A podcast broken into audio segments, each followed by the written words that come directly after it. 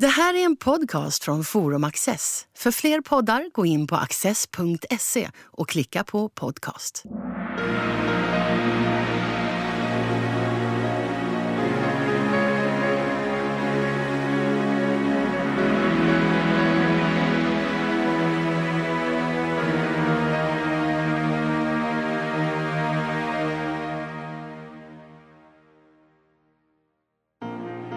Det många inte vet är att källkritiken har sitt ursprung inom historievetenskapen och fick sitt genombrott i Sverige när professor Lauritz Weibull i Lund lanserade sin historisk-kritiska metod i början av 1900-talet.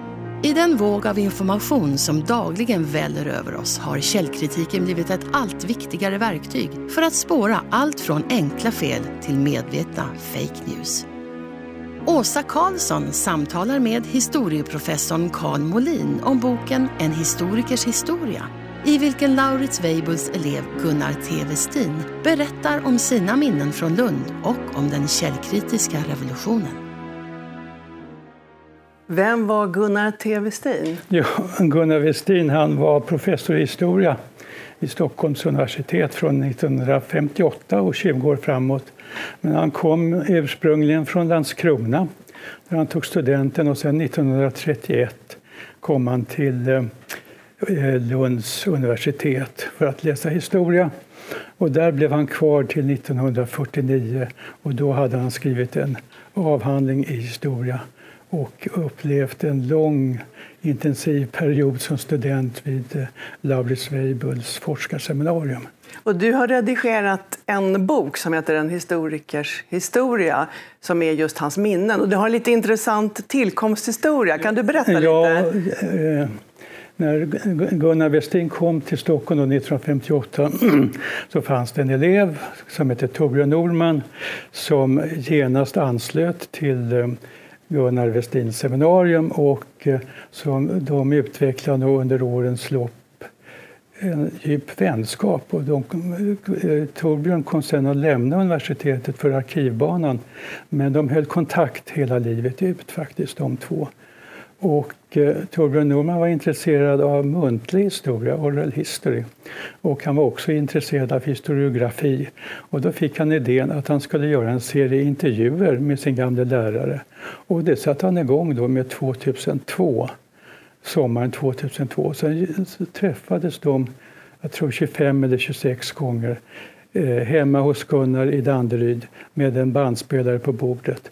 Och eh, det där blev då en inspelning av Gunnars liv från ja, början till slutet faktiskt. Och sen lyckades ni få de här banden renskrivna och det är du som sen har... Ja, det är jag och min kollega Alfred Johansson. Alfred Johansson som, ni som har gjort en bok ja, av, för, för av att, hela det här. Sen dog Gunnar Westin eh, 2008 och eh, Torbjörn dog 2014 men då kom Alf och jag att ta, ta över helt enkelt. Det som är roligt på den här boken det är ju att det, det så, finns ju så få såna här minnen, eh, forskare som berättar och kanske Lustigt nog, särskilt historiker, finns det väldigt lite memoarer och berättelser om sin utveckling ja. och undervisning. Och jag tycker att den här boken är extra intressant därför att han beskriver den här tiden i Lund, som du sa, ja. när han var elev till Lauritz ja, Weibull. Ja, Ja, det är intressant för att när han kommer till, till Lund då, 1931 då finns det två professorer. Det är Lauritz Weibull och det är Gottfrid Karlsson. Och eh, Lauritz Weibull han har nästan inga elever. Han betraktas som sträv och högdragen och besvärlig medan eh, Gottfried Karlsson betraktas som lättillgänglig, jovialisk, en trevlig person helt enkelt. Så att han har massor av elever, 30-40 kanske, och medan eh, eh, Lauritz hade två eller något. Men sen kommer då eh, eh några yngre som eh, dit Eh, Gunnar hör och attraheras av det här ryktet han har av att vara lite spännande och utmanande och provocerande. Så att då växer det där lilla seminariet från två kanske till sex, sju. För han var spännande därför att han hade ju börjat en slags revolt inom ja. historikerämnet då 1911 när han kommer med ett stort verk ja. som innebär som är faktiskt bara på 190 sidor tror jag. Ja, men det var en väldigt kort bok. det är ganska kort. Men, men, det heter Kritiska undersökningar i Nordens historia omkring 1900. Och där eh, proklamerar han dels att eh, nu ska de källkritiska principerna tillämpas och han säger för första gången då i svensk historieskrivning. Eh, och det är väldigt viktigt. Eh, men det finns en sak till som vi kanske kan komma in på. Det är hans syn på hur man utifrån fastställda fakta kan konstruera en historisk framställning. Men han börjar väl i det här negativa. Jag ska faktiskt läsa ett citat här ur ja. förordet till den här boken. Eh, då skriver han så här. När sägen och saga sopats bort har det visat sig att endast enstaka händelser och de grövsta linjerna i tidens historia är vetenskapligt konstaterbara. Det här eh, stämmer ju ganska mycket med hans gärning. Det var att rensa bort, ja. bort med mm. alla, ja. allt damm och all, allt töcken kring historien och ja, bara rena fakta. Men, men, han är faktiskt en del i en internationell, eller åtminstone europeisk, intellektuell rörelse kan man säga, som har börjat redan med Ranke i Berlin på början på 1800-talet. Då man har insett att man kan inte, om man vill skriva vetenskaplig historia, eh, bara återge eller återberätta en tidigare tradition, utan man måste gå till källorna. Och Ranke insåg ju också att man måste vara kritisk till källorna. Man kan inte bara skriva av dem, man måste fundera över vad är det de egentligen säger, vad är det man kan lita på. Och eh, sen under fortsättningen av 1800-talet och inte minst genom Rankes elever så kommer den här källkritiken då att systematiseras. Och man får de här fyra kriterierna på källkritik som jag tror faktiskt skolbarn får lära sig idag. Och, eh, och som vi båda är ganska hårt drillade i. vi är lite drillade i. Men, men ska vi dra dem? Ja, precis, absolut. För att, eh, det är inte bara att man ska vara allmänt kritisk mot källorna utan man utvecklar en metod hur precis, man ska ja. studera. Och Ja, de för, fyra är? Ja, det första är, är äkthetskriteriet. Är det här ett äkta dokument eller ett falsarium? Är det, ja, Sions vice protokoll är det bästa exemplet på falsarium. Sen ska man fråga sig om den här berättelsen har tillkommit nära i tid, det som skedde, eller långt efteråt. Man ska fråga sig om eh, den som berättar är beroende av andra källor och kanske bara återberättar eller kanske berättar under tvång på, av en eller annan anledning. Och sen det fjärde, det är tendensen. Då. Är detta ett tendensiöst dokument? Är syftet att försvara eller utveckla en viss politisk eller religiös eller annan åskådning? Eller försvara en viss person? Och så mm. Att det, det, är liksom de här eh, källkritiska kriterierna. Och, eh, eh nu menar eh, Lauritz Weibull 1911 att han är som den första som tillämpar dem. Och eh, egentligen var det väl så att de här är ganska accepterade inom historikersamfälligheten, inte bara ute i Europa utan också i Sverige. Men, men Eh, han gör en större sak av det. Och, eh, Men visst var det också så att i Europa fanns det lite olika riktningar? Eh, en del var mer extrema än andra? Ja, och, och eh, var de franska var väldigt Ja, ja det, det är lite, man, man, kan ha lite olika uppfattningar om vilken riktning som är mer extrem. Men, men eh, Lauritz, han han tillämpar de här reglerna strikt. Men sen är det ju så att när man har gjort det då får man ju faktiskt ett antal vetenskapligt fastställda fakta. Mm. Och eh, moment nummer två då i hans program det handlar om hur man konstruerar en historisk framställning utifrån detta, dessa säkerställda fakta. Och eh, eh där ansluter ju eh, Lauritz till en riktning som är utomordentligt restriktiv. Man får inte så att säga, koppla ihop eh, fakta hur som helst och skapa nya sammanhang. Man får inte utgå från allmänna hypoteser eller generella teorier utan man har att hålla sig till de här eh, fastställda fakta och det är de som ska tala så att säga. Och då blir det det här ganska destruktiva. Och han går ganska långt också, det här tendenskriteriet som du talar om, att ja. man ska se vad finns det för åsikter som liksom driver på i ett... Ja, ja, När han startar tidningen Skandia 1928 så eh, ska jag göra ännu ett citat här. Där skriver han att nationellt, politiskt eller religiöst ståndpunktstagande är i strid mot de vetenskapliga grundsatser i vilkas tjänst då den här tidningen Skandia mm, mm arbetat. Mm, mm, Alltså så fort det fanns en åsikt eller en tendens då, som man säger här, mm, mm. då var det värdelöst ja, som då, då vetenskaplig ja, ja, fakta. Det blir inte mycket kvar. Nej, och, alltså, det är intressant med Gunnar när han kommer till Lund och möter den här mannen. Därför att han är å ena sidan fascinerad av det här destruktiva. Det är spännande att se hur eh, som man säger, Erik den heliges gloria bleknar eller eh, den blide Ansgar visar sig vara en maktfullkomlig kyrkofurste. Och, eh, Christian Tyrann, han är inte alls en tyrann utan han är vek och vankelmodig och sådär. Så att de här omvärderingarna och provokationerna riktade mot traditionella uppfattningar, det var ju något otroligt spännande. Så det tror jag Gunnar var lockad av och tyckte det var roligt att, att lyssna på honom och följa med i hans forskningsprocess.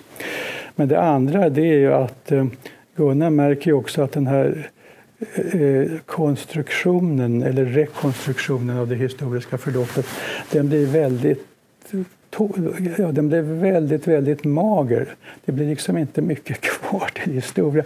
Och jag tycker det är intressant för att han jämför där eh, Lauritz Weibull med en av Lauritz närmaste vänner faktiskt, den danska historikern Erik Arup som har en lite annan inställning och som talar om att när man väl fastställt fakta då har man tillåtelse att dikta över fakta. Alltså skapa sammanhang och eh, eh, ge en bild av ett utvecklingsförlopp och så vidare. Och eh, e- Erik Arup kunde också utveckla en helt annan, eh, ett helt annat författarskap än vad Lauritz kunde.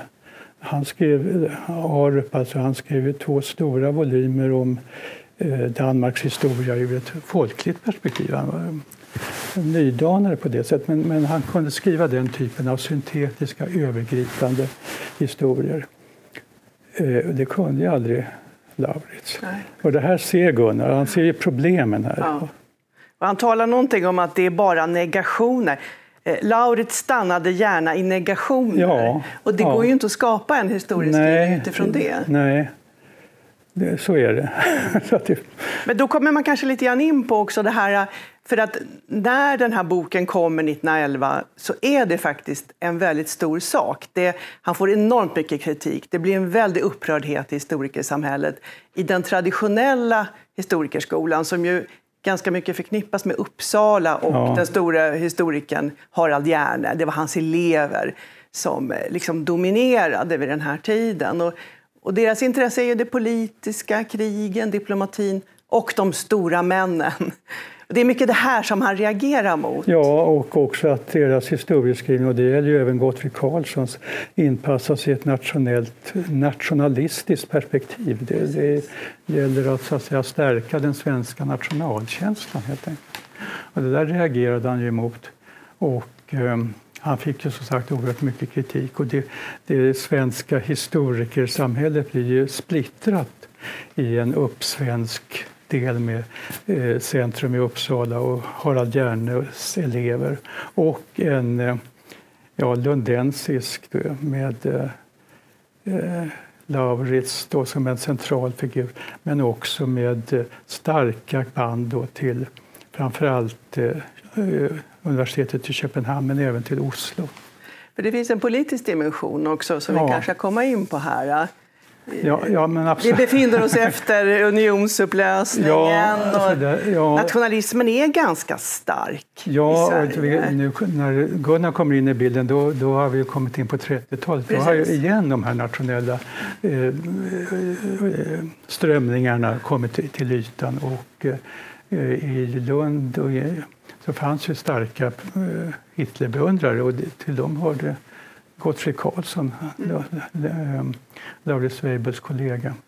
Men eh, det som är med hela tiden det, det är ju det här att eh, även om man inte vill säga det så företräder Lauritz någon sorts liberal antinationalistisk hållning.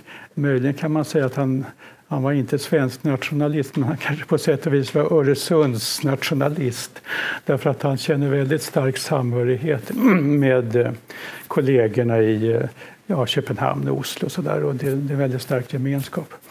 Jag bara får nämna en liten anekdot som Gunnar tar upp som belyser det här. Och det handlar om eh, firandet av slaget vid Lund 1676 som blev avgörande för att Skåne skulle förbli svenskt. Och då, eh, 1926 då ska man, vill man fira eller då firar man 250-årsjubileet av det här slaget och eh, alla möjliga potentater, eh, biskopar, ärkebiskopen, landshövdingen och alla möjliga har samlats i Lund och man håller högstämda nationalistiska tal om den svenska segern vid Lund. Eller det var väl strax utanför vid Kävlingeån. Men eh, vad gör då Laurits Weibull? Jo, han ordnar ett demonstrationståg ut till ett minnesmärke för samma slag som hade upprättats 50 år tidigare, alltså 1876. Eh, och då har man rest en hög över alla dessa stackare som dog vid slaget. Det var ju många tiotusentals som dog och satt ett litet minnesmärke och så har man skrivit en inskription där det står ungefär här stred, stred och blödde eh, folk av samma stam. Försonade efterkommande reste minnesmärket. Ungefär så. Alltså det, här, man, det var ju skandinavistisk anda. Det är ju broderfolk. Det var ett misstag att vi slogs. Och vi ska inte glädjas över att vi har haft ihjäl eh, tusentals danskar utan vi ska hålla ihop. Den skandinavistiska andan var väldigt viktig för Lauritz Weibull. Alltså det här eh, kopplingarna till Danmark och Norge. Och han betonar väldigt mycket södra Sverige. Ja, Medan liksom norr om Småland, det var inte det riktigt var inte med. Intressant. Och Finland var han Finland totalt inte. ointresserad ja, ja. av. Det tyckte jag var intressant. Och allt det här det märks i hans tidskrift som han startar 1928 som heter Skandia. Mm. Och eh, där företrädare för hans ja, Weibullskola, så att säga, den här historiskt kritiska skolan, deltar men många av dem kommer ju från Köpenhamn och många kommer också från Oslo. Så att det är verkligen en skandinavisk tidskrift. Om vi tänker lite på det här igen, just det här källkritiska genombrottet, eller han kallar det för historisk kritiska metoden, tror ja, jag, ja. Lauritz Weibull. Eh, så talar ju Gunnar Tevestin en del om just att han är äldre historiker. Det handlar om den tidiga svenska historien. Det handlar om eh, tryckta källor som han kan sitta och nagelfara och jämföra. Ja, ja. Och metoden funkar för medeltid och kanske till och med 1500-talet, men han säger att redan när vi kom in på 1600-talet med långa källserier så blev det svårt för Weibullskolan. Håller du med om det? Ja, både ja och nej. Det, alltså, det är klart att man, om man ser hur en sån som Gunnar Westin skrev sin avhandling så upptas den väldigt mycket av otroligt detaljerad analys av enstaka källställen och berättas sam om samma förlopp i olika källor och ställer han dem mot varandra i spalt efter spalt och så jämför han. Och så där kunde man ju inte hålla på med, och det fanns ingen anledning att göra det heller när man kommer in på 1800-1900-talets historia. Men, men själva grundprincipen om att man ska vara uppmärksam på äkthet och, och tendens och beroende och sådana där saker det, det är minst lika viktigt idag för oss historiker, eller för oss alla, som det, som det var då. Men det, det kanske är att man, ägnar, man gör inte så stor sak av det, utan det är mer så att säga, internaliserat. Och det är väl därför som metoden har blivit så accepterad, därför ja. att den gick att anpassa även till andra sammanhang ja. än det som Lauritz Weibull ja, började absolut. med, som ju ändå var ganska begränsat. Ja, nej, men så är det ju. Det är väldigt viktigt att säga. Det. Absolut. Jag sysslar ju i min dagliga gärning med biografi, så att man tyckte det var en intressant sak också att, att Weibullskolan är ju inte så intresserad av biografi. Alltså det, och de reagerar kanske lite grann här på alltså den rådande stämningen där man ju säger, Harald Hjerne var ju extremt intresserad av Karl XII. Mm. Och det var ett stort intresse och lite Karl XII-renässans i början på 1900-talet. Och det är de stora männen som liksom drivs av en idé, de förkroppsligar nationen. Mm. Det är den typen. Och det här reagerar ju Weibullskolan mot. Och om det bidrar till att man är ganska ointresserad av det här biografiska förhållningssättet. Ja, alltså det finns både en politisk och, och en eh, vetenskaplig förklaring. Och den, den, politiska är väl just det du säger, att, att eh, biografier var förknippade med den här nationalistiska och uppsvenska historieskrivningen och den, var man inte så, den ville man inte bidra till helt enkelt. Man ville inte skriva om Engelbrekt som en stor man utan man lyfte fram hans eh, ekonomiska intressen istället. Eh, men sen är det ju det vetenskapliga då att han, eller Weibullarna menar att eh, ska man, skriver man en sån här psykologiserande bild över en persons karaktär och ambitioner och syften med livet, så att säga. Då ger man sig in på spekulationer. Möjligen använder man psykologiska teorier och det är också förbjudet.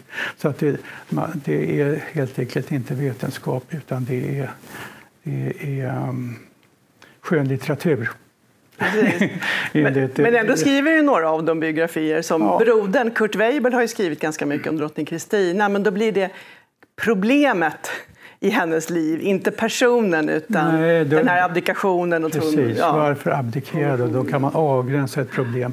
Och, och det är ju typiskt för Weibullen att det, det är ganska tydliga avgränsade problem som man försöker borra i. Så att säga. Och då kan man ju också borra i det här, varför abdikerade drottning Kristina?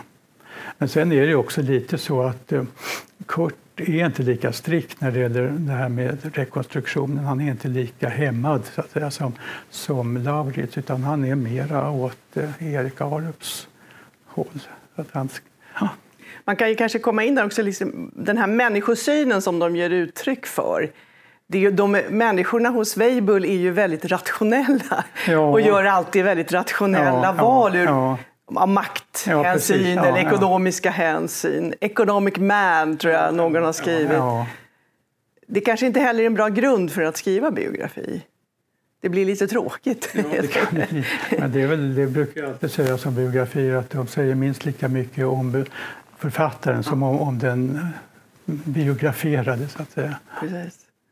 När vi förberedde oss lite grann så pratade vi ganska mycket om nätverk. Du ja. sa att nätverken är viktiga för att förstå hur en sån här vetenskaplig skola får utbredning och att varför vissa inte kom med medan andra hyllades. Jag tycker att Gunnars berättelse illustrerar betydelsen av vad man kan kalla för nätverk. Alltså han kom ju att bli en del av en liten krets som samlas kring Lauritz Weibull och som som efter seminarierna går de på Akademiska föreningen och sitter och pratar och de blir allt mer Ja, de kommer att känna varandra bättre och bättre och blir ett ganska sammansvetsat gäng.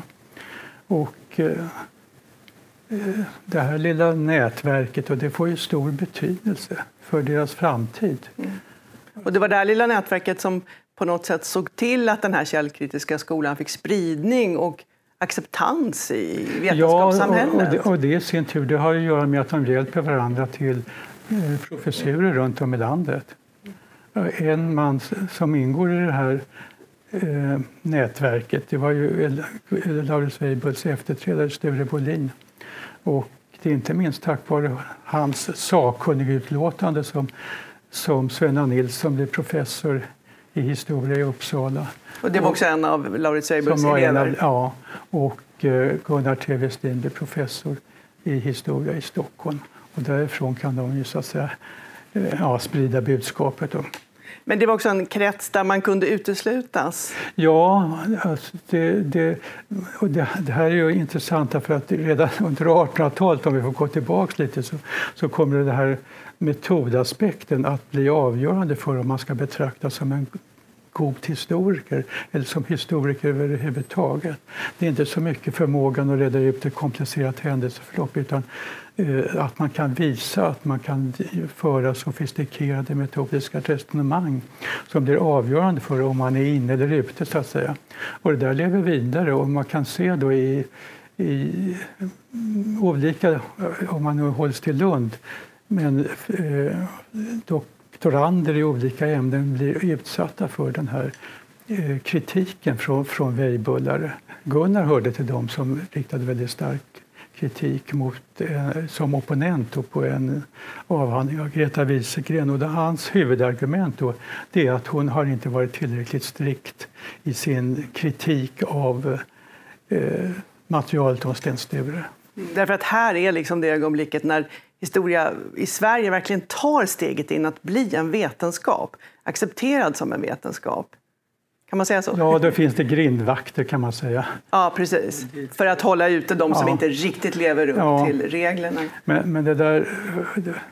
Att, jag skulle inte helt hålla med om att det bara håller, handlar om vetenskap. Mm.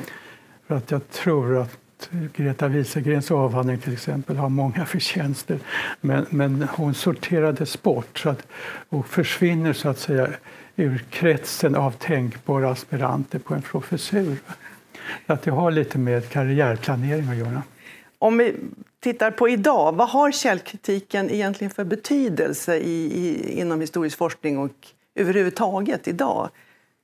Ja, när det gäller historisk forskning så tror jag att den är, det är en del av vårt sätt att tänka. Som vi knappt tänker på Nej, att vi, som historiker ja. är man på något sätt principiellt skeptiker. Man, när någon kommer och berättar något intressant så tänker man inte oh vad spännande, utan man tänker var har han fått det ifrån? så att det är en del av vårt sätt att vara helt enkelt och det präglar hur vi arbetar. I samhället så är det ju viktigare än någonsin med den här mängden av information som strömmar in från olika håll och som de flesta tror jag har ganska svårt att hantera. Och det har lite väckts mer tycker jag på senare tid för att nu har många tidningar faktakontrollen, ja, nej, precis, ja, alltså ja. som inte fanns för tio år nej, sedan. Nej, och där kommer ju de här källkritiska reglerna till pass. Alltså, ja, absolut. Precis. Så att, nej, det är jätteviktigt. Och idag är det ju till och med så att i skolan så läser Ja, Redan visst, på grundskolan ja, ja, så läser eleverna källkritik.